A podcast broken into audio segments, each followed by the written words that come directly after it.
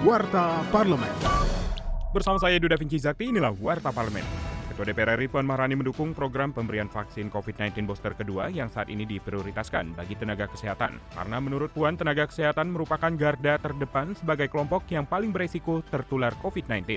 Politisi fraksi PD Perjuangan itu berharap pemerintah dapat menyiapkan vaksin COVID-19 sebanyak-banyaknya agar program vaksinasi booster kedua bisa segera diberikan kepada masyarakat. Namun mengingat cakupan booster pertama yang masih rendah, Puan mendesak semua pihak untuk segera meningkatkan targetnya karena COVID-19 tidak dapat diprediksi kapan berakhir.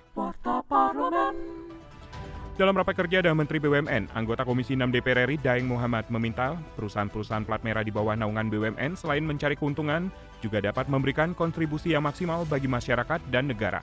Nah yang penting adalah buat saya ke depan BUMN itu mampu berkontribusi maksimal. Tadi bicaranya kan bukan hanya untung Pak.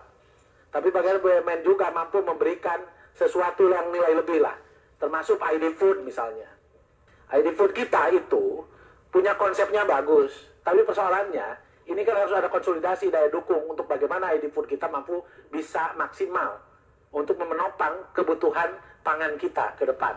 Kinerja Wakil Rakyat simak di media sosial DPR RI. Sekjen DPR RI melalui TV dan radio parlemen kembali mengadakan lomba orasi bintang orator atau LUBU. Lomba kali ini mengajak publik untuk memberikan masukan terhadap perancangan Undang-Undang Nomor 35 Tahun 2009 tentang narkotika yang sedang dibahas Komisi 3 DPR. Mahasiswa-siswa dan masyarakat umum dapat memberikan masukannya melalui orasi berdurasi 5 menit dengan mendaftarkan diri melalui email bintangorator@dpr.go.id. Pendaftaran ditutup tanggal 17 Agustus yang akan datang. Informasi lebih lanjut pantau media sosial DPR RI. Televisi Radio Parlemen. Demikian Warta Parlemen, produksi TVR Parlemen, Referensi Indonesia, Biro Pemberitaan Parlemen, Sekjen DPR RI.